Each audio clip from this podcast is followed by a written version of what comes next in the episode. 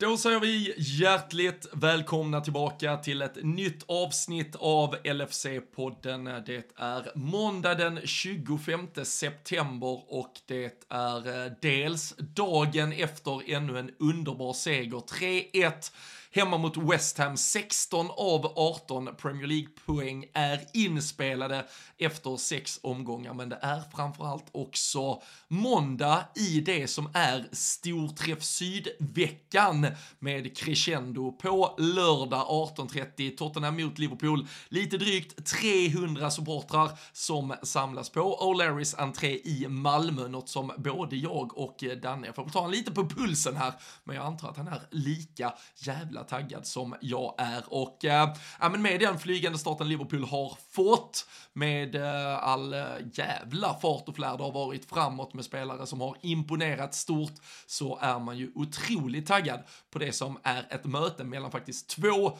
obesegrade lag på lördag. Tottenham spelar ju 2-2 här mot Arsenal i helgen, dock tappade poäng för både de Arsenal, vilket väl också glädjer oss Liverpool-supportrar. Men äh, 3-1 mot West Ham, som sagt, vi har spelat lite Europa League-fotboll sedan sist också. Det väntar kuppspel i veckan. Äh, det är så jävla mycket som händer, så jag ska inte sitta här och hålla monolog. Jag tycker vi sätter oss till rätta. Vi kopplar upp Danne Forsell och så blåser vi igång ännu ett avsnitt av LFC-podden.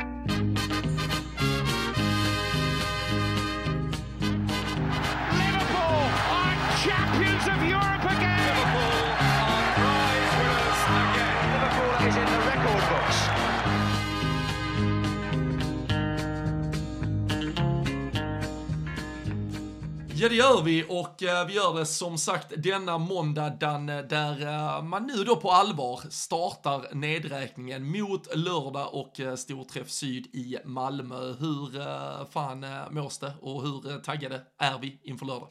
Nej men eh, det är ju som vi har sagt innan Det är ju ett eh, Ja men ett av årets absoluta event detta. Och dessutom med, med uppladdningen som Liverpool har gett oss här i säsongsinledningen. Jag menar nu är det två ytterligare tre ettor till handlingarna. Det är ju väldigt gångbart om vi kan fortsätta på den inslagna vägen för att få eh, Ja men det kommer ju liksom vara en sån jäkla god dag inför. Och sen har man ju ändå så här crescendot med matchen på slutet. Det är ju 18.30 match är ju det Ja men det är ju det bästa vi kan få på på storträffarna. Det ger ju liksom en hel dag först utan att man skulle behöva drabbas av några eventuella besvikelser i alla fall. Det har ju varit eh, tyvärr varit några genom åren också även om det, det såklart också har vänt. Det var ju ett tag där vi inte där vi aldrig vann när det var storträff syd. Men sen, eh, sen vände vi ju på den steken också som Klopp har vänt på allt vad gäller doubters to believers helt enkelt. Och eh, nej, nu åker man ju ner stentaggad, lapp på luckan. Nej, jag vet inte vad som skulle kunna göra lördagen bättre egentligen Eh, redan på förhand. Sen eh, såklart då med lite form i, i ryggen både för, eh, nej men vad ska man säga, både för oss supportrar och för laget. Så att nej, det kommer bli, det kommer bli något utöver det vanliga. Det är något väldigt annorlunda mot hur man har haft det här Innan i alla fall och framförallt här i helgen när man satt, satt hemma så nej, få 299 andra ansikten med sig kommer vara perfekt. Ja, det kommer Nej, det kommer bli uh, ruskigt bra. Det är ju en, uh, alltså så här, kan det bli bättre? Ja, där är ju alltså en 16.00-meny som innehåller uh, Arsenal, Manchester United, Manchester City. Alltså det är så här. Den var fan rätt galen. Alltså jag såg det igår, hade inte reflekterat över innan, men det är ju typ alla matcher nästan känns det som. 16, eller det är ju 13.30 i våran match, men det måste vara 6-7 matcher någonting som spelas. Jag tror bara det är en söndagsmatch kanske, så det är ja. nog alltså en tidig, 7 klockan 4 och en 18.30 liksom. Det, ungefär så ser man det. Och det på förhand så att säga, alltså Arsenal, jag tror de har Bournemouth, United har Crystal Palace, eh, City. De har ju alltid typ ett Burton hemma oavsett om det är liga eller kuppspel. Men det, det, det lär, alltså så här, det ska bli enkla segrar för dem. Men man har ju suttit på några av de här träffarna och så har man jobbat in då något skrällkryss till höger och vänster. Det, det är ju faktiskt det som eventuellt kan förhöja stämning och puls inför att man själv kliver ut sen också. Ja verkligen, jag, jag tjuvkikar lite där. De har Wolves eh, borta City och så tänkte jag så här, Wolves borta det är ju, det är ju tufft för dem. De har ju alltid, det är ju lite så här eh, buggy team eh, tänkte man. Och det var det ju eh, 2019.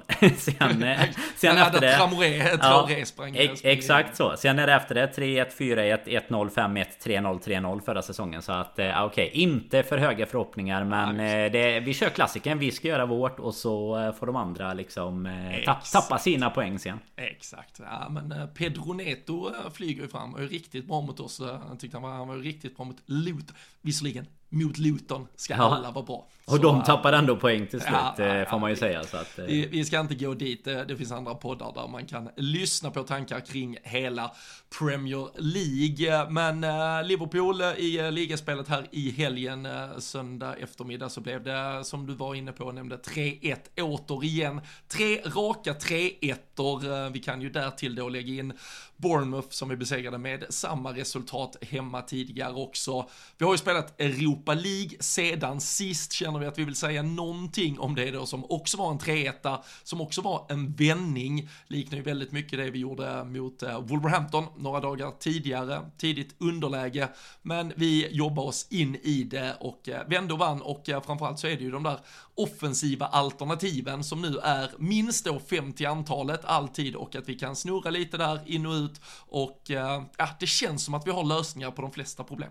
Ja men verkligen. Och jag menar det är väl inte så mycket som vi behöver gå in på i, i övrigt i, i matchen. Där liksom Men en ja, straffmål av eh, Darwin. Vi har Diaz som gör mål, vi har Salah som gör mål. Så jag menar det är ju precis som du är inne på Det bara Det bara fortsätter att levereras eh, där fram. Och vi var ju inne på det innan säsongen här Att vi kommer släppa in mål. Nu gör ju Alisson eh, bland annat en superräddning här i, i gårdagens match. Men Eh, även Keller, han får ju en... Eh, ja, den, den är... Eh, inte otacksam ska jag inte säga, men skottet... Eh, målet är ju inte mycket att göra åt. Det är ju ett jättesnyggt eh, mål som, som Lask gör där. Och sen... Eh, att vi ändå då vänder och visar någon sorts karaktär även om man såklart kan vara besviken över hur vi hanterar Ja men både kanske delvis mycket av första halvleken där och, och dels tio första minuterna i Igår men sen om man bara tar eh, Europa League matchen för sig så gav det väl ändå, alltså lite som vi var inne på, ge lite rotation. Eh, ändå ett rätt så spännande lag. Vi hade en Budgetic som fick starta på den här högerbacks inverterade platsen. Alltså lite sådär. Alltså mycket... Var vi ju inne på. Precis. Att det skulle kunna vara ett alternativ. Ja, och mycket av det som eh, skulle kunna vara spännande. Och sen eh, ska vi väl inte fastna i Costa Simicas. Vi, vi släpper nej, Europa League nej, för hans skull och så tar vi det nästa gång. Men en treta, vi kan väl bara ta med oss att det är... Det var en sån start vi, vi ville ha och så dessutom kryss i den andra matchen då, vilket... Oh, förhoppningsvis inte ska behöva påverka oss i slutändan. Men det är ju alltid lika bra såklart. Ja, du tar väl inte ut gruppsegern i förskott? Nej, det ska man inte göra. ska man inte göra.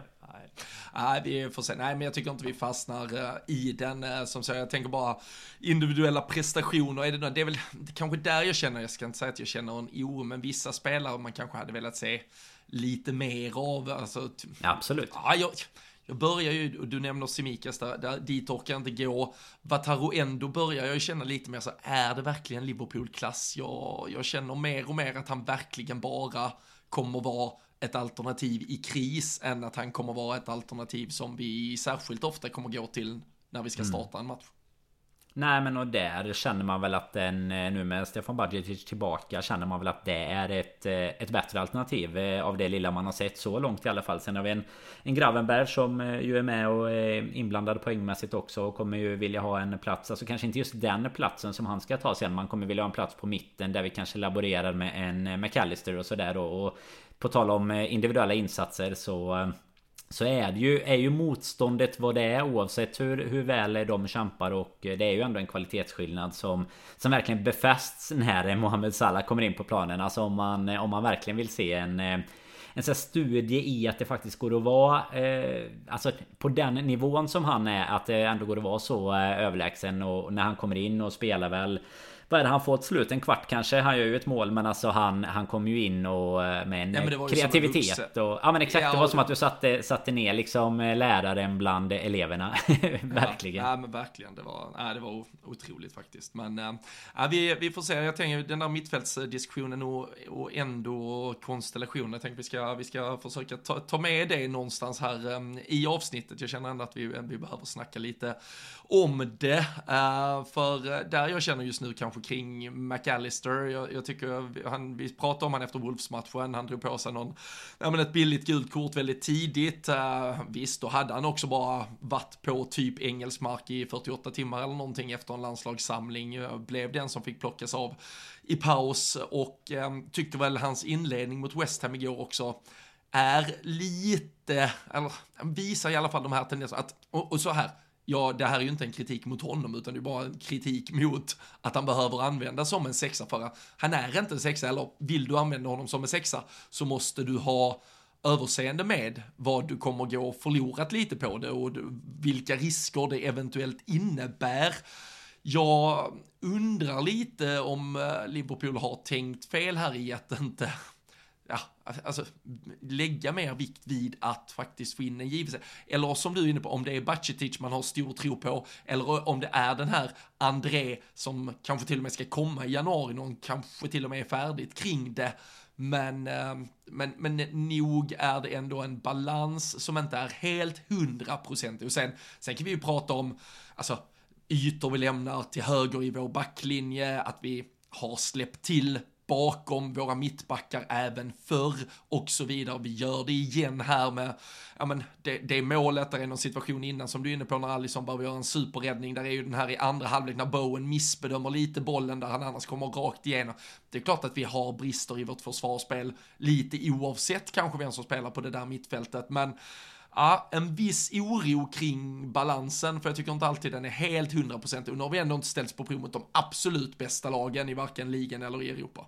Nej, jag tycker om jag ska knyta ihop säcken kring den där Allison-räddningen som ju är helt eh, magnifik som, som han gör eh, på...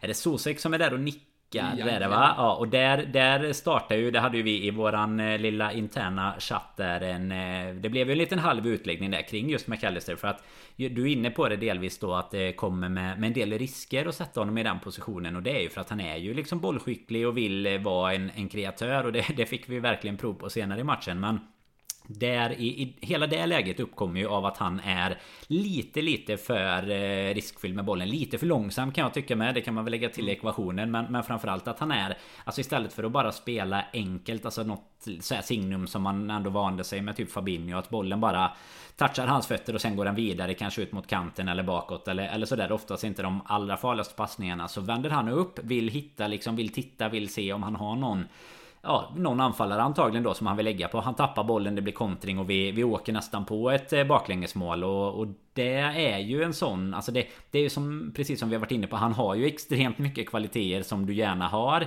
i eh, laget och kanske mot, alltså du, du, kanske har råd att sätta de riskerna mot de lite sämre lagen. Nu är det ju vi eh, liksom möter ett, ett fysiskt West Ham som också har fått en ganska flygande säsongstart så att Absolut inte läge, jag, jag vet inte om det hade varit bättre med ändå Men absolut inte läge att sakna liksom en given kugge tycker inte jag på den positionen. Och, och här höll det ju på att kosta men, men sen som sagt fick vi ju se hans eh, enorma fördelar framåt senare Men då, då kanske man inte ska utgå ifrån den positionen Utan då kanske han ska, ska snarare vara på den positionen som Curtis Jones har från, eh, från start då Så bredvid en Soboslaj som, eh, som också fortsätter ta enorma kliv Även fast Nej, man inte tror orkar, att jag det orkar inte ens prata Nej, med om det går ju inte. Det är bara gå- men Jag blir ju svettig bara av att tänka på honom. Det är bara att gå tillbaka. kan Det- det. Nej men det är nästan bara att gå tillbaka i, i våra olika poddar här och liksom Det är lite som med Salah Alltså nu, nu ska jag inte säga att han är på samma nivå som Salah så sett och Framförallt inte i någon sorts elegansstatus men liksom Det var, det var så länge man bara pratade om Salah och man bara kände att så här, vi kan ju inte prata om Salah idag igen Men så, lite så är det ju med Soboslaj nu Alltså bara passningen du har till eh, Curtis Jones den som blir bortdömd där Du har ju alltså pressspelet han gör i typ 90 minuten när han bara Ja, springer och, och jagar liksom när vi ändå leder med du efter 3-1 målet. Alltså du, du får ut så jäkla mycket av en spelare där som, Men det är ju, tre, som det vi har saknat. två, alltså. det, det är ju två eller tre gånger när han också på så här studsande boll bara möter den, klackar den mellan tre Ja. spelare i stort sett och vidare fram till någon helt perfekt. Och det, ja, jag, jag delade på sociala medier, på Twitter, uh, något klipp liksom på, med, med hans, eh, lite extended highlights-paket bara på hans matcher mot West Ham. För det är, Alltså den är ju lite mer så här low key, äh, eh, återigen, det är ju inte, viss, alltså det är ju framspelningen till Curtis Jones som såklart har den etchen i sig, men, men annars är det som så, det är väldigt mycket bara aktioner där han visar hur han leder laget som, eh, som verkligen också då är en del av hans repertoar som eh, gör att, äh, ja men det, jag, jag sa i ett annat sammanhang, det, det, är väldigt synd att Naby Keita kom emellan Steven Gerrard och Dominic Soboslaj med den där nummer åttan, för det här är den mest värdiga och fan välskapta jävla ersättaren du som klubb kan önska när en ikon som Steven Gerrard lägger skorna på hyllan. Den här åttan skulle ha hängt där i omklädningsrummet och bara väntat på Dominic Soboslaj, för han är det närmsta Steven Gerrard vi någonsin har varit sedan han lämnade oss. Ja men så känns det verkligen framförallt i den eh, typen av eh, liksom ledar Alltså inte ledaregenskaper, han är, alltså hallå, han är 22 år Ja men det är helt gammal. sjukt. Ja det är helt sjukt. Och så kommer dessutom en nytt land, ny klubb, hela den biten. Alltså att han kommer in och, och tar för sig på det sättet är ju... Det är ju helt enormt alltså. Och vi, vi betecknade honom liksom som en eh, lyxvärvning när han kom och att verkligen var någonting som vi kanske inte känner att vi har varit jättebortskämda med det sista. Visst, det har, ju- det har ju skett lyxvärvningar men det har ju skett snarare på nivån att vi behöver ha in en spelare på vissa positioner och eh, då hade vi redan en McAllister klar. Han som man kände skulle vara den, eh, den liksom pusselbiten snarare och så kände man att fasen vad gött fick vi ytterligare en men det Märks ju att scoutingteamet hade gjort eh, jobbet i alla fall för nej det fortsätter han att ta såna här kliv så eh, nej, så, så kommer den där legendstatusen och eh, ja, svårt. Hissades inte tr- tröjan efter Gerard så är det svårt att säga att den någonsin ska hissas åttan men eh, snart får de Redan- dela på redan den pensionerad. mest- Ja, redan den mest sålda tröjan i shoppen Jag såg noterade ju också. Ja, så eh, det var väl uh, Salah tvåa kanske, Nunes trea, van Dijk, McAllister. De var Ja. väl där, typ topp fem tror jag. Allison brukar alltid eh, ligga ganska högt också. Det är väl inte, det är väl inte alla klubbar som har målvaktströjan så högt upp, men har man en så bra målvakt som Allison, en så snygg målvakt som Allison, ofta en ganska snygg målvaktströja också tycker jag. Verkligen. Så, så är det kanske inte helt skönt. Men, men det är ju, alltså bara för att knyta ihop säcken helt och hållet kring det där mittfältet. Så här, nu, nu får vi ju fan se vart den här säsongen tar oss. Eh, jag tyckte Ange Postecoglou har varit så jävla bra i Tottenham om att prata om att vad fan, låt oss tro och drömma, låt oss se. Alltså till och med de pratar om att ja, vad fan, allt kan väl hända. Tro, dröm, vi, vi ser vart det tar vägen. Liverpool, du nämnde, från liksom doubters to believers. Det är klart att Klopp, laget, alla drömmer om att vad fan kan det här ta vägen, låt oss se. Men det där mittfältet, alltså man, jag, jag tror det kan komma, om jag bara så gnuggar lite lätt på spåkulan och kikar framåt, så, så kan det nog komma någon match eller någon period av en säsong där man bara så här, fan att inte Moises Caicedo, alltså så här, nu har, nu har han haft den start han har haft i Chelsea och det, visst, det kanske inte var han som var svaret, jag vet inte, men jag tror han hade kunnat vara det, där man bara så här, fan, tänk om det hade varit Caicedo istället, McAllister lite framskjuten, Dominic Soboslaj så bra som han är, då hade det varit det där världsklass, världsklass, världsklass mittfältet. Jag, jag tycker fortfarande att vi, hur vi än vrider och vänder på det så kommer det bara vara två tredjedelar världsklass på det där mittfältet och det, det, det kanske räcker. Det kan räcka jättelångt, men eh, li, lite synd för jag, jag tror så här, jag var ganska okej med att det blev som det blev, för jag nog inte från början hade så skyhöga förväntningar på den här säsongen. Men när jag nu ser hur bra Soboslaj är, när jag ser hur många alternativ vi har framåt, när jag ser vad McAllister nog hade kunnat göra om vi lösgör honom lite mer offensivt och inte ger han den någonstans ändå bördan som ingår i jobbet när han ska sitta lite djupare. När vi dessutom nu har visat att vi klarar matcher med en fyrbackslinje som har sett ny och annorlunda ut från vecka till vecka på grund av både skador och avstängningar. Så äh, ja, det, det, det finns äh, så jävla mycket bra att ta av, vilket gör att man då känner lite så ah, kan vi, men som sagt, vi kanske ska klara hösten och så kanske vi kan göra något åt det i januari, jag vet inte. Ja men vi pratade ju om det i, i somras och när vi jämförde med, med tidigare sommar när vi satt och hade väldigt eh, höga förväntningar som blev snabbt liksom neddragna till, eh, till, till en annan nivå eller ja i alla fall Kanske inte förväntningarna men i alla fall vad man liksom kände att man vågade hoppas på ganska tidigt förra säsongen. Och, och här är det ju egentligen tvärtom. Man kanske har dragit ner sina förväntningar lite inför säsongen Blir positivt överraskad. Du nämner ju Caicedo där ska ju Absolut inte heller på Alltså han har ju haft en jättedålig start i Chelsea Men Chelsea har ju också Det, det verkar inte finnas någon lösning på tal om att hitta lösningar på, på att spendera pengar i alla fall i, i den klubben. Och vi konstaterar ju här innan eh, inspelning och sådär också Att det är ju vår enda, enda tappade poäng hittills. Så det är ju Kanske nackdelen med att vi mötte Chelsea i en första omgång när man inte riktigt visste vart man hade dem. Att hade vi vetat att man bara kunde hur så. dåliga men hade, de var, så ja, men typ så här, hade man,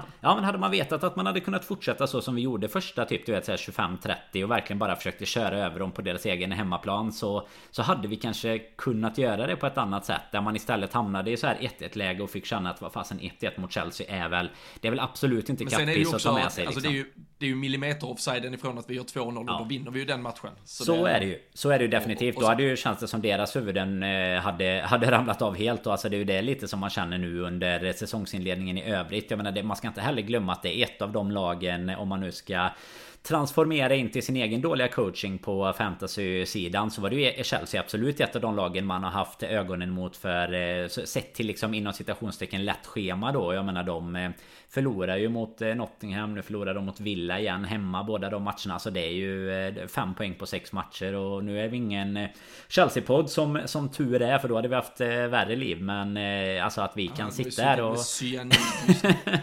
det hade man om, om man hade haft en bra dag ja.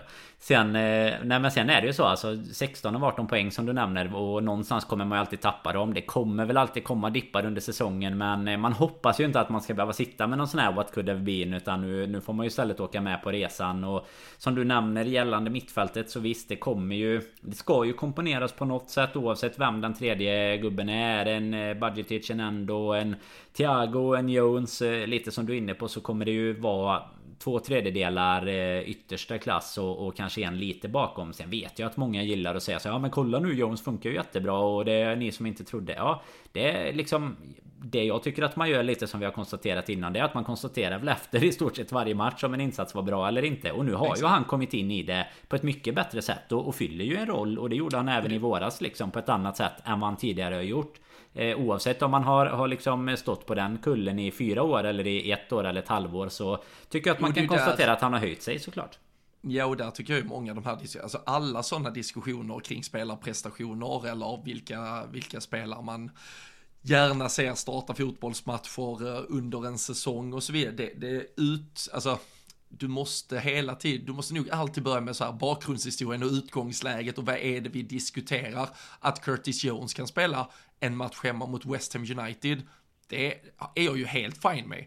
Jag tänker bara, när jag tänker Liverpool, konkurrenskraft, jag vill ha den här typen av mittfält, då tänker jag att mittfält vi skulle kunna ställa upp med i en Champions League-final. Alltså sen, sen kanske det är fe, och det, så kanske inte vissa ser på sitt Liverpool-lag när de tänker vilka spelare man ungefär vill ha tillgängliga, men, men, men jag har fortfarande tron och drömmen om att Liverpool men kanske kan gå hela vägen och vinna ligan i år, att vi snart är tillbaka i Champions League och då kommer vi gå för att vinna Champions League. Alltså, det är ju det, då, då tittar jag på de spelarna och tycker man att Curtis Jones är bra nu för att starta en Champions League-final, fine, då får man göra den åsikten. Det tycker inte jag, att han är en jättefin truppspelare, absolut, och att han kommer vara nödvändig och viktig i många matcher säkerligen under säsongen, absolut det med. Men, eh, men det handlar väl som sagt i, i de där diskussionerna så handlar det nog först om att ja, men kanske måla upp ramarna lite för vad det är vad det är man diskuterar och det är det jag menar, ska vi, ska vi utmana City om ligatiteln över 38 omgångar, då är väl det enda jag känner just nu, förutom det som vi har diskuterat tidigare också kring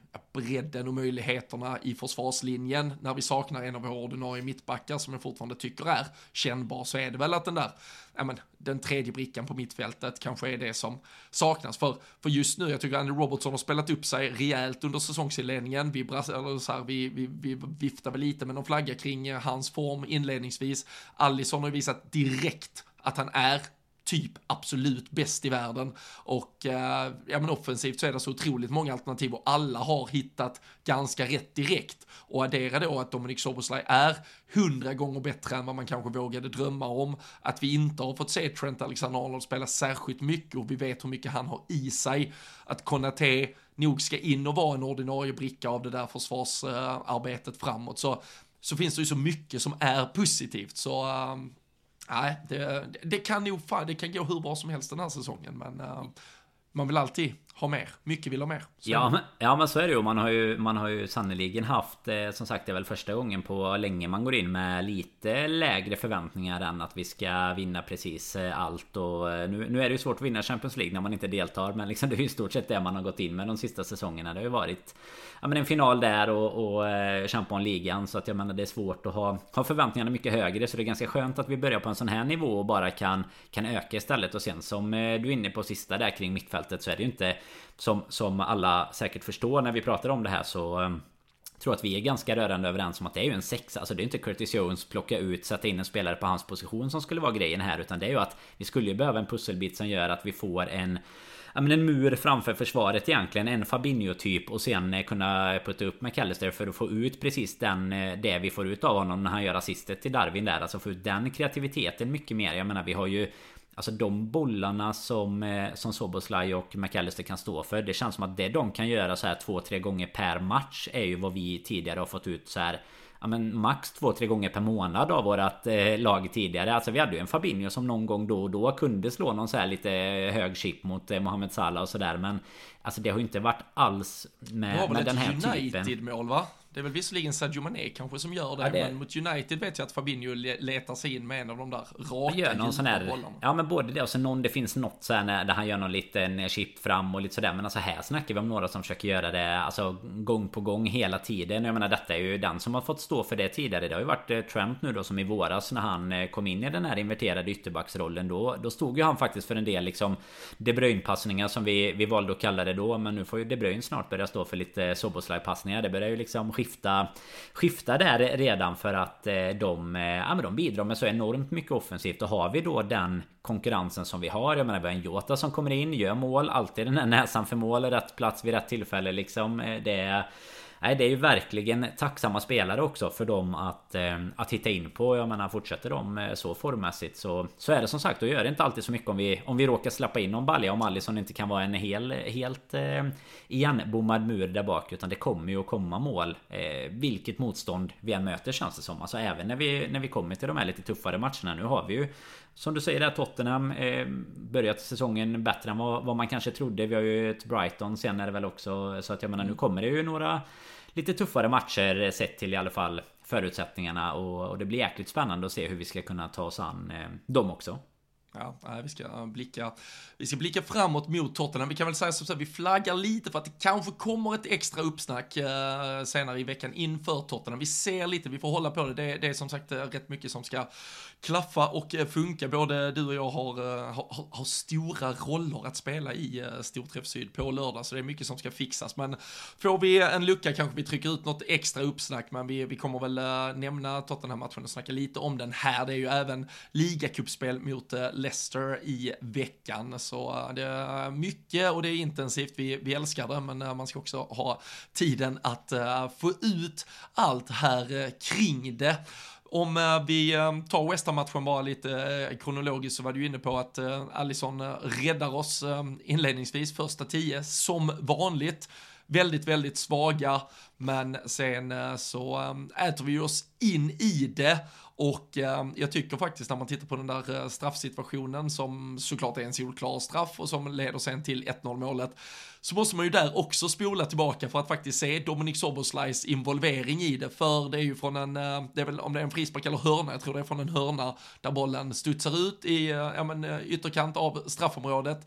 Där jag, utan att nämna namn, har sett väldigt många Liverpool-mittfältare genom åren sula iväg bolljäveln bara. Då drar han den alltså på halvvolley med vänsterfoten i den stenhårda curl som sen sätter Luis Diaz fri på vänsterkanten och eh, han kan sen trä in bollen till Nunes, vidare till Salah, Salah med den touchen tar sig förbi, solklar straff. Alltså, nu görs målet på straff, men det är ju exakt den typen av omställningsfotboll och den typ av anfall vi har sett Liverpool göra och straffa motståndare med när vi har varit som allra bäst. Ja men verkligen, jag menar blir det inte tacklingen där och Salah kommer förbi så kan vi ju Förhoppningsvis räkna med att det är ett mål där eller att till och med det hade blivit alltså, en... Då tror jag fan Darwin Nunes är offside ja. framstår. Jaha okej. Okay. Ja för det, för det var det jag tänkte annars. Alltså antingen att Salah kommer igenom alltså då skjuter eller att Darwin skulle kunna kunna lossa. För det tänkte jag nästan först. Visst jag vet inte vid, vid straff kanske man inte lämnar en fördel på samma sätt. Nej, Men det kändes ju som att han hade kunnat Kunnat lossa lugna, den där liksom. men, men den är ju som du säger den är solklar. Det som jag blev lite så här, det, Alltså det, det, är ju ingenting som spelar någon roll i slutändan. Men det hände ju ändå relativt tidigt Så jag tänker att det skulle varit ett Nu, nu fortsätter vi på domarspåret då. Det skulle mm. varit ett solklart gult kort där däremot Som eh, han ju ska bära med med sig mot Salah sen i, eh, i resten av matchen. Men... Jag tror inte eh, du får, alltså det är ju, jag, jag kan köpa det, det är ju, han sträcker ut benet för att försöka peta undan bollen. Så det är ju, all, allt det här, eh, kanske, nej. Det är, men en känslan- vanlig, det är en fällning. Ja, sen är känslan också så här allt går så fort och alla är bara med på att det blir straff. Så det är bara så här, okej lägg upp bollen, dunka in den liksom. Så att, nej absolut. Det är, men det är precis som du säger, alltså just den typen av och, liksom omställningar trots att det inte alltid finns... Jag, jag menar att vi kan utnyttja de få lägena vi ändå som eh, oftast då bollförande lag numera. För förr kunde vi utnyttja att vi inte alltid kanske var, var mest bollförande och hade så mycket possession. Då kunde vi utnyttja det under Klopp framförallt i början. Hög press, återerövra bollen fort. Men att man kan liksom utnyttja omställningslägen som uppstår mitt i matchen även på Ja men lite snavare lägen om man säger så just för att vi inte har så mycket möjlighet. Det är ju inte så att lag ofta ställer sig på våran planhalva och ger oss möjlighet. Framförallt inte när de är på Anfield och, och är styrda av, eh, av Moyes heller för den delen. Så att, eh, nej verkligen som du säger att man kan bryta linjer med den typen av bollar som Soboslaj gör där. Sen ja, kan man säga, jag vet inte om det är tur eller skicklighet av Darwin. Vi, vi ger väl honom att vara skicklighet men eh, nej, att det leder till liksom en straff så fort också. Det är ju verkligen det här snabbt förbi och det är ju aj, verkligen ett... Eh, det, det är sånt vi vill se liksom snabbt upp, gå mot... Gå på mål direkt liksom. Och det som blir lite så här tankevurpa i huvudet kring allt det här, eller kanske inte tankevurpa är inte helt rätt ord som jag letar efter, men det är ju att när du möter ett lag som West Ham, det du är livrädd för är ju fasta situationer mot dig. Men alltså det här måste ju vara hundrade gången jag ser också samma sak hända mot just ett West Ham, att vi sen vinner en förlupen boll och så kan vi ställa om. Och jag, alltså jag vet, framförallt i London så har jag sett, det är allt från eh, Salah och det är på pass från eh, Shakiri, eller om det är till och med Shakiri som avslutar något, det är något Oxlade som avslutar, alltså där vi så otroligt ofta har straffat dem i omställningsspelet för att enda chansen Ja men att locka upp den typen av lag är ju på fasta situationer och där sitter man ju själv och är så jävla livrädd för dem. Men tittar vi på det svart på vitt så kan vi antagligen räkna ut att det har, alltså belönat oss fan så mycket mer att få just fasta situationer emot sig mot ett lag som West Ham fast att man sitter livrädd när Ward Prowse framförallt med sin jävla fot lägger upp bollen till de fyrtornen som finns i mitten. Ja, det var därför Alisson var ute och nickade till hörna någon gång eh, under matchen där när han eh, kom ut en bit. Exakt, han ville ha hörna, han lockade upp dem. Nej men absolut, det ligger ju, det ligger ju ändå mycket i det och som du säger flera gånger nere i, i London framförallt. Det är ju någon match där vi kör de eh, orangea där med Oxlade som du säger bland annat. Där vi, där vi verkligen straffar dem flera gånger på på liknande sätt och, och det ligger väl ganska mycket i det att mittbackarna de kommer ju enda gången de kommer röra sig ifrån typ eget straffområde Det är ju i de lägena när, eh, när det är hörna eller frispark och, och chans att kanske bidra offensivt och, och det ser vi ju andra lag igår som ett Newcastle som spelar efter oss där det, där det verkligen bidras på, på det sättet liksom så Jo, jag, tänk, jag tänker så här, alla fotbollsmatcher som inkluderar Sheffield United, de, de håller vi lite i en parentes. De de, de har vi en brasklapp Den- Burnley också. Nej, det är vilket haveri till nykomlingar det är. ja, men, Det ja men det är ju som De har om- vars en pinne på totalt och spelade 16 matcher. Det Ja. är... Nej men ska vi dra det snabbt som du säger med, med gällande typ Tottenham också som obesegrade. Jag tycker verkligen att det finns en sån diskrepans i, i ligan den här säsongen på att det finns ju lag som... eh, Ja men vi och City, ja men Arsenal fortfarande obesegrade, Tottenham. Alltså det, det är så här, det, det blivit en ganska stor skillnad känns det som. Eh, I att många av de här nykomlingarna och lag som, ja men typ ett Everton lyckades ju ta tre poäng nu i och för sig då mot Brentford och inte mot något bättre lag utan att det liksom känns som att många av de här lagen kommer och som, som funkar lite. De kommer och enklare ta poäng nu av eh, de lite sämre lagen känns det som för att det finns liksom ingen idé mer än ja men nästan den eh, hörn, hörnidén som jag tänkte säga då. Ja, nej, vi, eh, vi får se hur det går för de stackars eh, nykomlingarna. För jag måste börja kika på när fan vi möter dem. För det känns som det är länge till vi möter någon nykomling i, i första matcherna. Men eh, det, det kommer, det kommer. Då, då får man spänna fast sig och vara beredd på målspelen på Mohamed Salah i alla fall. Ja, jag trodde du skulle säga att det är då, vi, det är då deras poäng kommer att... Ja, att komma. fan, Ja, ja, de har inte blivit förvånade över. Man är ju till, tillräckligt luttrad i livet för att... eh, alltså man, man tror ju, man, man känner ju fortfarande inte att vi har...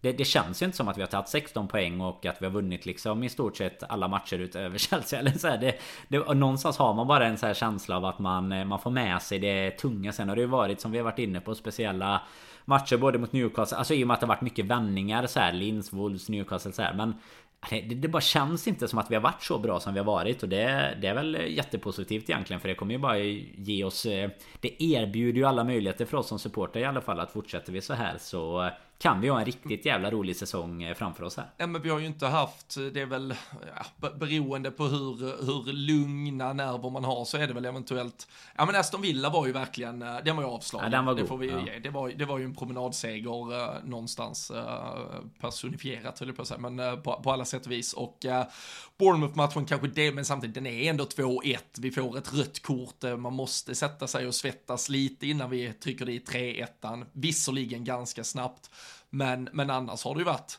Alltså riktigt tungt, Det är ju, som du nämner, det är, det är ju vändning mot eh, Newcastle, det är vändning mot Wolves, det är vändning här mot uh, Las Glins. Det, det är ändå en 1-0-ledning som sen lite från ingenstans blir 1 när man känner att vi ändå börjar få kontroll på matchen så blir det ändå 1-1 och det är det man går till halvtidsvila med och det är att regroupa och uh, ta ny kraft uh, mot, mot West Ham här och jag kikar ju på, alltså vi har på, eh, det är ju sex ligamatcher, en Europa League-match, sju matcher totalt då, så har vi alltså 6-6 i uh, målskillnad i första halvlekar, sex gjorda, sex insläppta. Sen har vi alltså 12-0 i andra halvlek, så vi har fortfarande släppt in ett enda mål i andra halvlek, vi har gjort 12 framåt.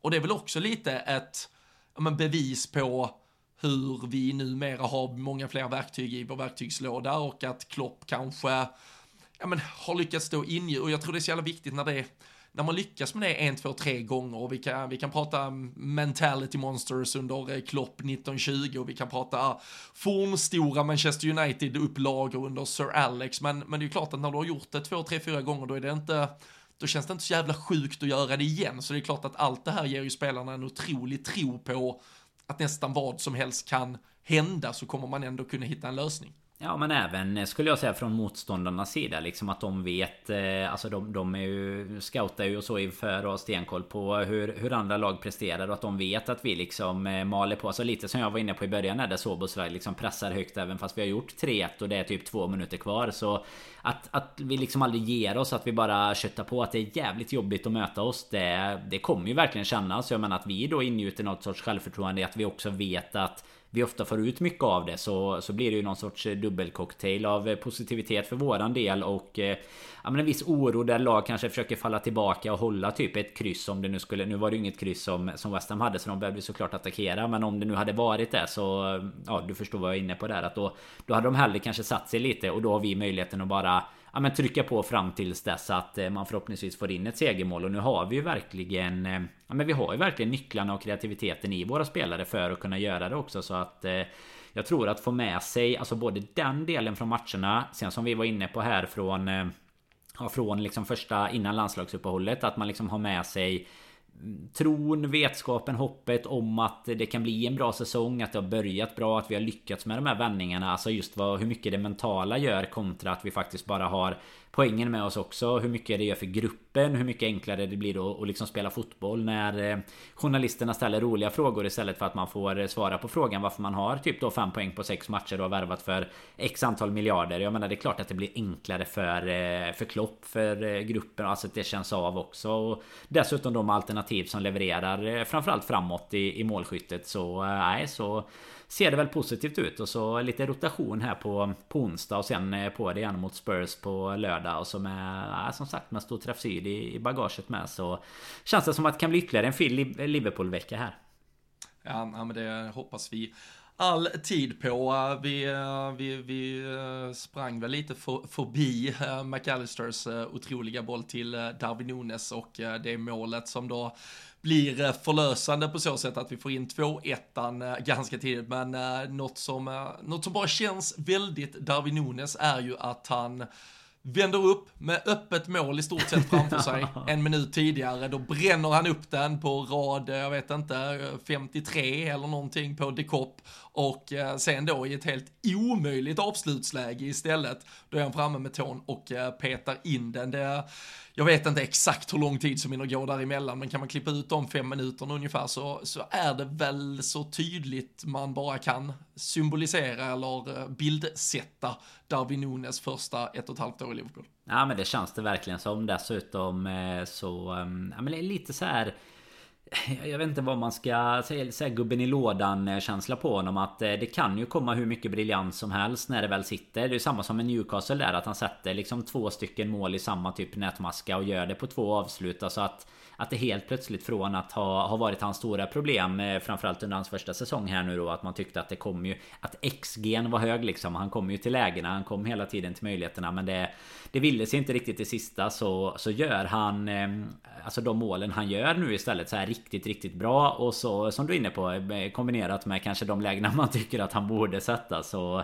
Sitter det någon lite utanför eller sådär. Sen är ju den relativt nära får man ju ge honom i alla fall Sen att den ser fruktansvärd ut i och med att den flyger vidare vidare efter målet där med men Nej han är ju Han är också otroligt lättälskad i hela sitt eh, Alltså hela spelstilen, hela humöret, allting runt omkring tycker jag. Men Sen också att han får eh, lite hyllningar från Klopp nu och det Jag tycker man märker också att han kommer ju in mycket mer. Alltså det som var Förra säsongen kom han ju till lägena typ på någon sorts av eh, individuell kvalitet. Här tycker jag ändå att man märker att han i de matcherna han spelar har anpassat sig mycket mer till, till systemet. Blir mycket mer en bricka alltså i, i vårat spel också. Och det, det höjer ju också de andra spelarna. Alltså innan var det mycket mer att han kom till sina individuella lägen. Nu känns det som att han även är inblandad. Alltså assister till exempel har han ju stått för en del också. Så att tycker att det blir mycket, mycket mer eh, att vi får ut mycket mer av honom i, i laget också. Oavsett om jag tyckte att det var en bra fotbollsspelare även förra säsongen.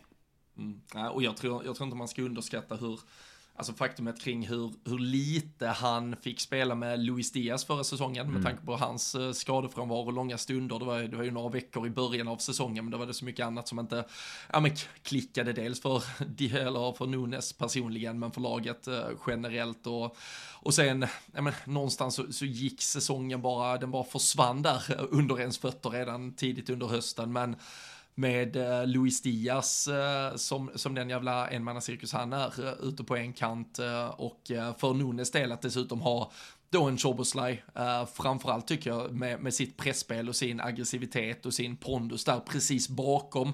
Det blir, det blir så många spelare som, som Alltså förstå mig rätt när jag säger spelare som vill så mycket. Jag hoppas verkligen att alla som någonsin har på sig Liverpool-tröjan vill det, men, men med spelare som Nunes, Diaz, Sobos, alltså det bara, det bara, alltså det ryker ju ur öronen hur mycket de vill göra saker mm. framåt och jag tror att spelare som, som har den attityden, jag tror de mår jävligt bra av att vara omgärdade av likasinnade, så att säga. Så jag tror Nunes, han, han mår bättre i en miljö med ett par ja, psykfall än ett par eh, liksom väl, välkammade pojkar som, som är mer eh, sparka spring och, och kämpa. Det, det, är inte riktigt hans melodi utan det ska vara, det ska vara lite mer ös under fötterna och eh, det tycker jag Liverpool har nu som lag.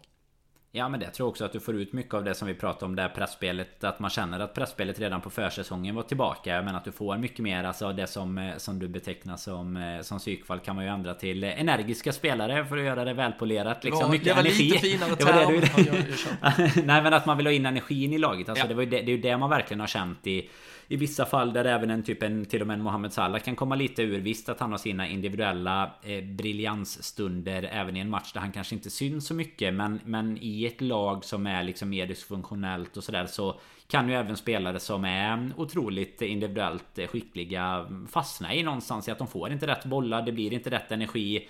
Och, och sådär. Jag menar det får vi ju verkligen ut eh, ja, men överallt ifrån. Det kan ju till och med vara så. Du pratade om Robertson innan som har höjt sig. Jag menar bara en sån grej som att eh, att hela laget helt plötsligt sitter med hans eh, löpstyrka och energi liksom. Eh, det, det gör ju säkert att eh, det blir jäkligt mycket roligare att spela fotboll och det blir mycket jobbigare för motståndarna och det kommer ju gynna oss framförallt här ju, ju längre säsongen går såklart. Men nej, vi får väl se vad vi kan, kan prestera. Nu blir det ju ett riktigt, nu blir det ju verkligen en, ett test tycker jag mot Spurs här. Ja, den, den ser man verkligen fram emot på, på alla sätt och vis. Och eh, det, det som jag tänker blir eh, de eh, stora frågorna som ska besvaras inför den där Spurs-matchen, det, det är väl dels äh, ja, men kampen mot klockan som Trent Alexander-Arnold eventuellt går. Man äh, visste ju såklart att han skulle vara out mot West Ham när James Pierce för äh, tre dagar sedan basunerade ut Trent tillbaka mot West Ham. Då är det glasklart att han inte skulle vara tillbaka mot West Ham. Men däremot så blir man ju inte riktigt klok på Ibrahima Konate och eh, hans eh, status här för han var ju tillbaka, eh, gjorde ju ett inhopp mot Wolves, han fick starten i Österrike i Europaspelet, tillbaka på bänken nu.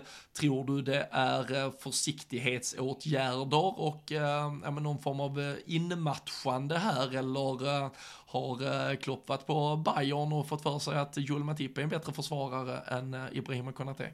Nu gör ju Matip en, eh, en bra match eh, ska man ju säga. Men, men däremot på, på förhand så, så tror och hoppas jag inte att han tycker det. Men jag tycker samtidigt att om man nu, eh, om man nu ska se till ja, ska du se till liksom matchandet så är det ju ändå en... Man, man får ju säga att det är liksom en märklig situation tycker jag. Där, eh, där det kanske inte är konstigt om man skulle startat eh, mot, mot Lask men sen har blivit eh, utbytt för att vilas typ till den här matchen när, när resultatet såg lite bättre ut. Men att han sen då får Får petningen här. Eh, jag vet inte alltså hur mycket försiktighetsåtgärder kan det vara om du kan starta i Österrike och dessutom hoppa in mot Wolves. Jag vet inte vad din take på det. För jag menar det kan ju inte vara... Alltså det känns väl omöjligt. Är det, han är ju ändå med. Är det Erdinger va, som han är lite sponsor för Klopp? Har de eh, skickat hem med lite för många flak eh, inför laguttagningen i helgen? Eller är det... Har Matip? Är det liksom en tionde, vad säger man så här att han har reinforcement, att han är tillbaka återigen. Ja, men, ja nej, jag vet det. Och, och som du säger så här, jag, det, både Matip, jag tycker även Joe jag, jag tycker Absolut. de, de, är, de är svaga inledningsvis. Det, det där det var alla. Första,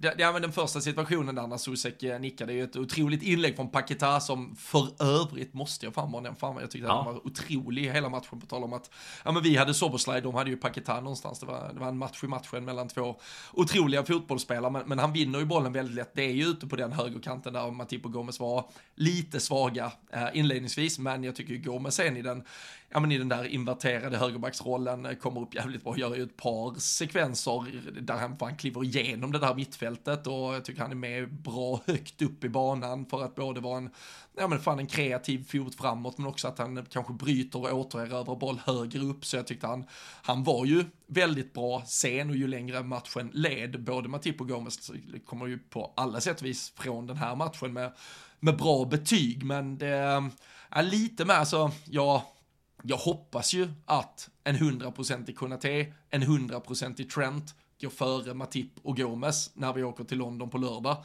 Men eh, Konate, alltså det som alltid kommer ligga emot en sån spelare, eller för, alltså i, i fatet på en sån spelare, det är ju den här då bräckliga alltså skadeproblematiken som finns kring och, och känner Klopp att man inte kan lita på honom vecka in och vecka ut. Det är klart man måste titta på andra alternativ och, och då kanske så här, ja men kommer han vara 100% emot Spurs? Fan vet. Då, då kanske man vill spela in Matip ytterligare för att han står ju där ändå redo vecka efter vecka. Så det är, det är ju svårt, men det är ju, och det var ju också just därför man skrek på att man ville ha en trea där bakom inför säsongen som var topp, topp världsklassnivå. Men eh, jag hoppas att Konate och Trent startar såvida de är redo på lördag i alla fall. Ja, och sen har väl Matip eh, haft sin eh, beskärda del av eh, glasmästare i släkten känns det som också. Som har liksom drabbat sig sen av skador och så. Men det kan ju vara som du säger att det, det är ett sätt att lite säkra upp. För jag menar, man, jag tror ibland underskattar man också när man bara tittar från sidan av och, och tänker att man ska ställa bästa möjliga lag på, på benen så underskattar man lite vad kontinuitet framförallt gör i en backlinje. Alltså hur, hur viktigt det är för Allison att funka med mittbackarna och hela den biten. Och där kan det ju vara lite så att man fortfarande känner att det finns en viss osäkerhet på Konaté lite. Alltså kombinerat då försiktighetsåtgärd blir det ju delvis. Men kombinerat med att man inte vill eh, Ville vill riskera för mycket när vi ändå kommer... Alltså vi går ju in i ett matchande som... Eh, som är Europa League, ligacupen drar igång som du nämnde här mot Leicester i, i övermorgon. Och jag menar då det, det, är ju ett matchande där vi ska rotera friskt förhoppningsvis i Europa League och i ligacupen men där vi ändå ja, går för att gå så långt som möjligt på alla fronter såklart. Så att jag menar vi, vi kommer ju verkligen behöva spelare vi kan, kan lita på. Och det har ju varit ett eh, genomgående problem på många fötter tyvärr eh, med, med liksom Konate, Thiago och så vidare där vi där vi vet att vi kan få ut extremt höga höjder men eh, när vi inte vet när vi får ut dem och då är det klart att eh, Klopp behöver kika på på ett sätt som ska fungera på långsiktigt med. Men vi, det blir ju lite spännande att se om han är tillbaka in nu då till en ligacupmatch till exempel. Alltså är han det så tror jag ju att Matip startar på på, vad fan heter den? Tottenham Hotspur Stadium, heter den där eller? Ja, du har ju varit där och kikat in det ny, nybygget. Men uh, nej, vi, vi får väl se där, uh, ligacupspel på onsdag som jag vet inte. Noterar du Jamie Vardys målfirande från helgen? Ja det, det avskyr man absolut inte. Jag är nästan på att jag kände att vi kunde lägga in ett litet skambud för att få ut de sista åren av Jamie Vardy alltså. Ah, fy fan. Nej, har man inte sett det... det Adebayor-firande kan vi väl ja, kalla exakt, det va? exakt. Och också liksom att det är ett straffmål mot Bristol City. Det är så här, how the mighty have fallen.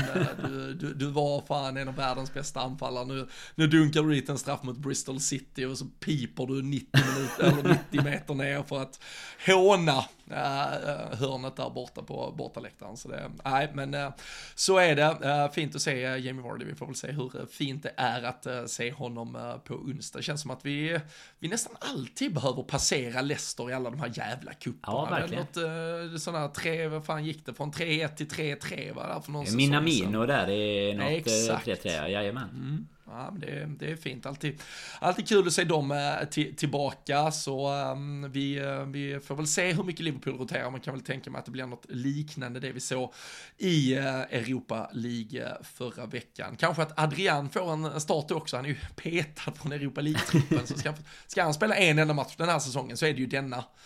Alternativt det där första eh, fa Cup-vändan som kommer där eh, typ 13 helgen i, i början av januari. Där kanske man får något jävla Shrewsbury eller något där han får kliva på också kanske. Samtidigt har man ju svårt att se att typ inte Keller skulle vilja ha den här Nej, matchen den här, eftersom han inte det, får det spela. alltså det är klart att han till 99% kommer... Motstånd, ja men exakt. Alltså, det här ska ju Keller här så, såklart. Kan vi få ett inhopp typ på Adrian i, i 38? Eller typ att han får stå om, om ja, det är klart. I, jag mi, hoppas mi, ju inte att... Jag hoppas ju att det lever liksom.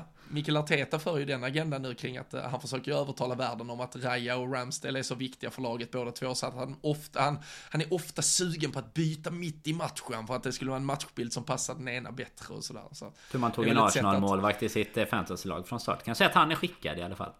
ja, nej, det, Sådana coacher kan vi inte jobba med. Jag, jag, tror också mycket mer vi kan konstatera att Raya är ny etta men att uh, Ramsdale ska få göra, han ska, han ska smoothly petas ut där så får Arteta stå ljuga hur mycket han vill.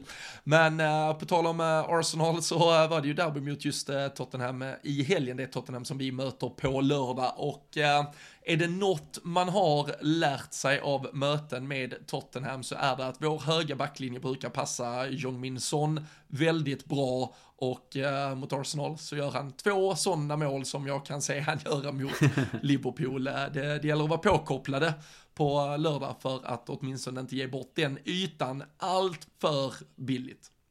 Ja men så är det ju. Och så dessutom med eh, Nu får vi väl se status. Det var väl lite, lite smäll på Madison men det spelar han. Så eh, Så med, med den foten på tal om våra bra fötter som finns på mittfältet Så går det ju att hitta luckor där. Och det är väl tyvärr ett problem som som har varit ganska genomgående. Jag menar att det finns ytor att eh, attackera i våran backlinje. Det har ju inte varit någon hemlighet utan eh, det med, lite kvalitet. Det är det som blir liksom lite spännande att se nu då när vi möter ett lag som ändå besitter den typen av kvaliteter också. Hur eh, hur upplåsta kan vi bli eller hur mycket kan vi själva faktiskt lyckas och, och parera dem också? För jag känner väl att det är väl en en av de sakerna som vi både på försäsongen och här in i säsongen har pratat om delvis att det, det uppkommer ju alltid lägen emot oss. Jag menar ta Soseks nick till exempel hade absolut kunnat göras bättre försvarsmässigt och, och sån precis som du säger oavsett. Nu, nu har han ju i och för sig med, med sig lite form dessutom in i matchen men alltså oavsett vilken form han har varit i så gör han ju alltid mål i stort sett på oss, oss eh, känns det som så att eh, Nej, lite. Det är, det är väl den eh, största oron man har. Sen såklart att de kommer in med en bra, bra form från start. Men de är ju inte heller ett lag som eh, direkt har... Eh,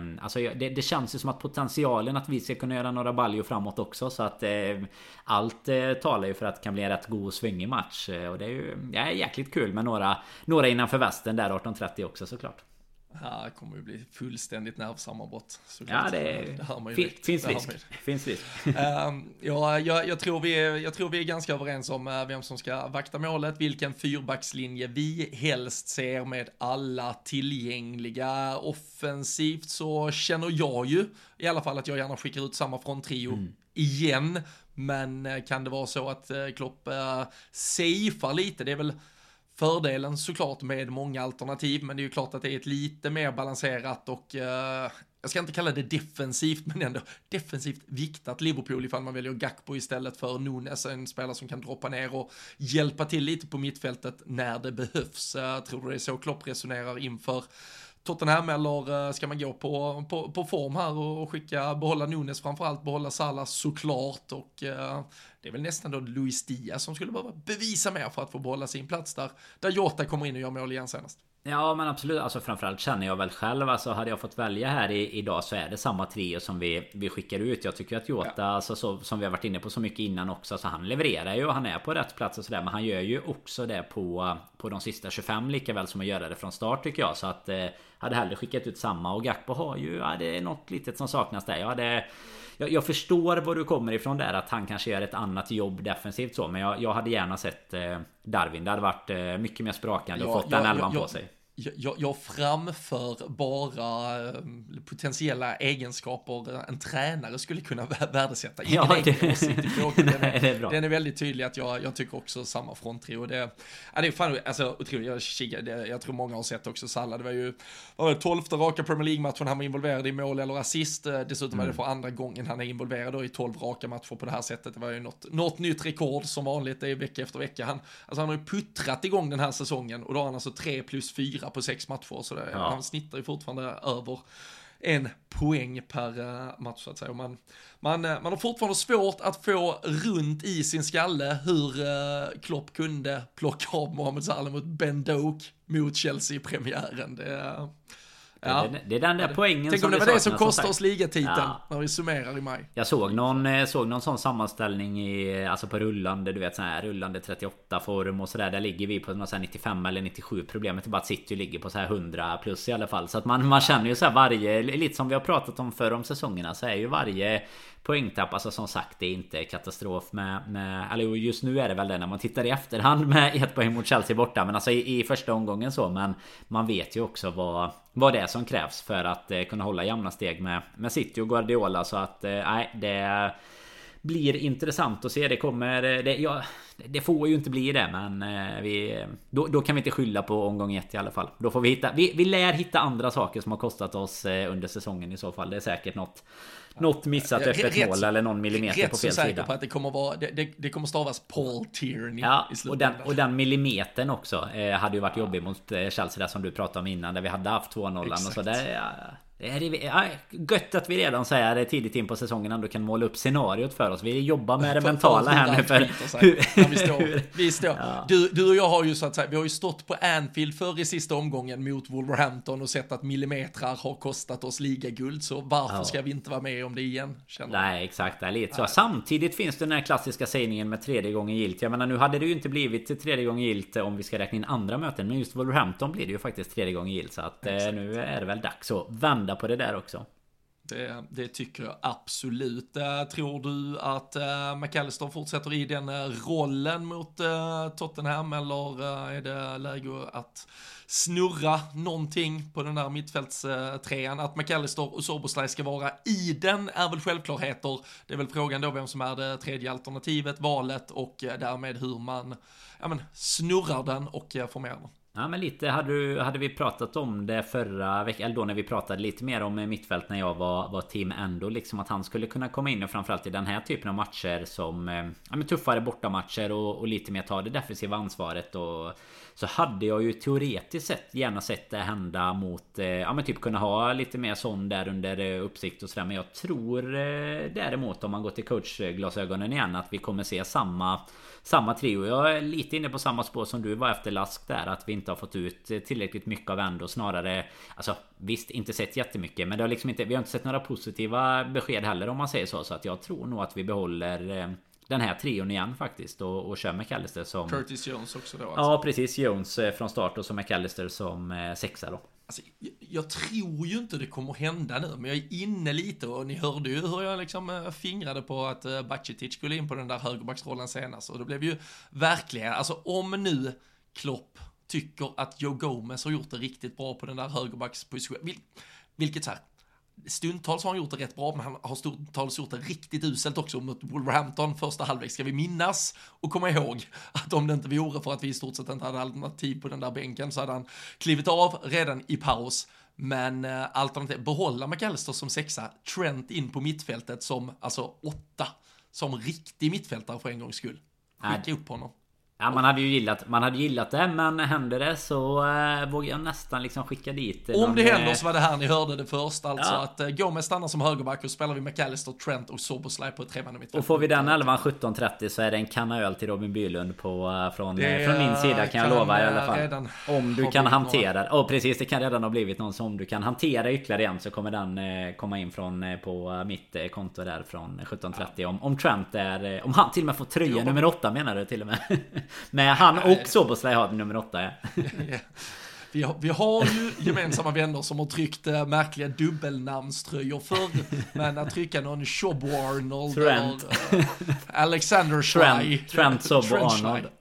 Ja, fy fan. Det mörker. Men... äh, Arnold nej, vi det också, se. det har ju eh, jag, jag hamnar ju på Det är ju något helt annat men jag har ju, jag hamnade ju på eh, Vi har satt här i, i helgen med Martin Åslund Att han envisas med att bara säga Arnold hela tiden är ju Ja det är otroligt störande när man eh, tittar på en sanning Men eh, mycket andra kvaliteter missat- men inte just i missat, Han har namnet missat lilla bindestrecket här, att det Ja. faktiskt är ett uh, dubbel... Att det inte är ett förnamn ja Trent Alexander Arnold, ja exakt Exakt. exakt.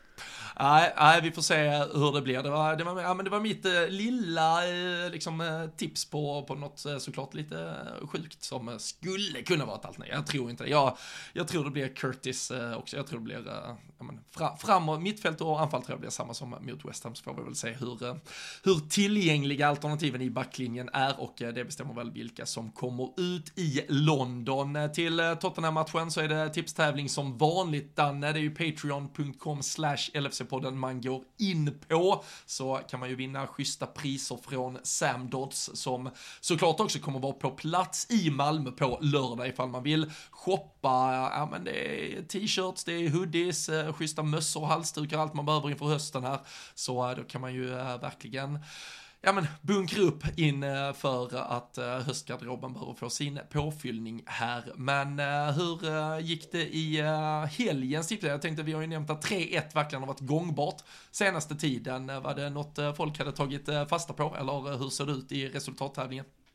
Nej men det kan vi definitivt säga. Nu vet jag inte exakt hur många men det var Jag skulle nog gissa att det var det absolut populäraste resultatet. Och det var till och med så att det är två stycken som hade satt Jota Och eh, sjukt, sjukt nog så har de satt det med eh, två minuters marginal båda två. En i 83 och en i 87 minuten. Och det blev ju som bekant då 85 minuten. Som då tyvärr någon Oh. annan hade med rätt minut. Men målskytt går ju före minut här. Så att eh, det. var jag kommer inte ihåg om det var Salah eller Gakpo eller något som som det var någon som hade tippat. Men då eh, är det så här, jag har gjort det Så jag har gjort en liten annan typ av lotteri till dig här idag. Sist eh, körde vi bara två siffror helt enkelt. Men när jag var inne och kikade här tidigare i Går kväll så tänkte jag så här att i och med att vi har en som har eh, tippat eh, som jag sa nu 83 och en som har tippat 87 Jag bara var snabbt behövde tänka igenom så jag inte har sagt något eh, om, om vem, vem som är vad Så- Det ska vara en utmaning för mig. Exakt. Så nu- nu kommer ja, du- Nu kommer du istället få en liksom koppling till där man, där man ofta tippar över under på mål och sådär. Så nu tänkte jag att du skulle få tippa över eller under 85 minuten istället. Eftersom det är samma marginal åt båda hållen. Så tänker jag att det får bli den enkla head-to-head lottningen eh, den här veckan.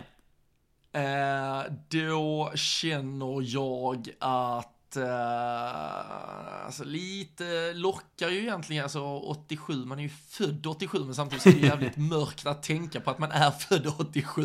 Så eh, nej, jag, nej, vi uh, under går jag på, 83an, det är min vinnare. Då har vi, ska vi se nu så att jag har rätt eh, här. Då har vi 83an, då är det Mats Karlsson som blir vinnare. Vet du vad, vet vad det sjukaste är som är nära på att hända när du är på 87an? Det var därför jag var tvungen på att fundera på om jag hade sagt något. Nej, Det är att det är samma kille som vann lottningen förra veckan Jimmy Bernhardsson Så att han ska ju i alla fall eh, nu, nu går han ju tyvärr miste om en andra raka här Men han ska ha en extrem shoutout och i och med som du nämnde då att han- eh, det har varit mycket 3-1 så känns det ju Har vi en ny eh, Johan Aldén här som har jag skulle ett precis resultat säga det, han har ju anammat Aldén eh, kod, alltså han har ju knäckt samma kod som Aldén. Man, man eh, hittar sitt resultat, man lär känna sitt Liverpool och sen backar man det resultatet in i kakelväggen. 3-1 på Tottenham Hotspur Stadium på lördag. Det är bara in och lasta. Hus och hem, Salah avgör allting i 83 minuten. Det är, ah, Det är bara att köra. Ja det hade man ju inte man, man hade ju inte Man hade ju inte avskytt det helt enkelt Sen är det ju som du är inne på där Så jag vet ju många år Nu har ju vi eh, gett upp det lite här det sista Men så satt ju vi och skulle Vi tippade ju lite resultat Jag vet inte Det var ju inte Det var inte alltid det blev rätt i alla fall Om man säger så Utan eh, där är väl taktiken eh, Relativt smart tycker jag Istället för att alltid hålla på och så här, försöka tänka sig in i matchens situationer och hur det ska gå. Så bara så här, nej men det blir 2-0. Nej. Alltså alltid bara så här, det blir 2-0. Och så statistiken stämmer ju liksom. Har, har, har folk också börjat tippa så här eh, sista målet i typ 102 minuten Nej, och så? det har Har de inte- anammat uh, övertid? Så det har inte... Där känner man att man ser ju ibland Man ser ju ibland någon sån här 90 plus 2 typ och så Men jag har nog inte Jag har nog inte sett någon sån här 90 Eller du vet 90 plus det- 12 eller, eller 112 Då, då ändrar jag mig. 102. Det är, dags för, det är dags för 100 plus avgörandet nu. Så eh, t- 2-1 i uh, 102 minuten. Det är där ni ska sätta era 50 cent ni, eh, ni har där hemma. Då eh, är den enda som eh, inte kommer vara glad då Det är ju vad heter det? Entré i Malmö va? För taket kommer ju behöva lyftas och eh, läggas på igen eh, Om det händer skulle jag gissa Vilken jävla avslutning Ja det hade man gillat. Det är alltså ett, ett sent avgörande. Det hade varit nerver. Men alltså ett sent avgörande på en storträff. Det är få, få eh, bättre saker som kan hända för Malmös krogar tror jag. Ja, nej, det, det skulle bli en kväll det. En uh, otrolig jävla dag väntar på lördag oavsett. Eh, det är uh, ligacupspel på onsdag mot Leicester inför dess också och uh, ja men vad fan. Vi, vi ser om vi tar något sista uppsnack inför Tottenham. Det här blev dock långt matigt och en bra bit över timmen så ni har nog fått er beskärda Liverpool-del för ett eh, tag åtminstone. Vi eh, älskar ju att ni, eh, ja, men att vi har den här stunden tillsammans. Vi snackar av oss, ni lyssnar, vi tar ny fart inför en härlig Liverpool-vecka och eh, så fortsätter vi bygga på de framgångarna vi har haft här under början av säsongen.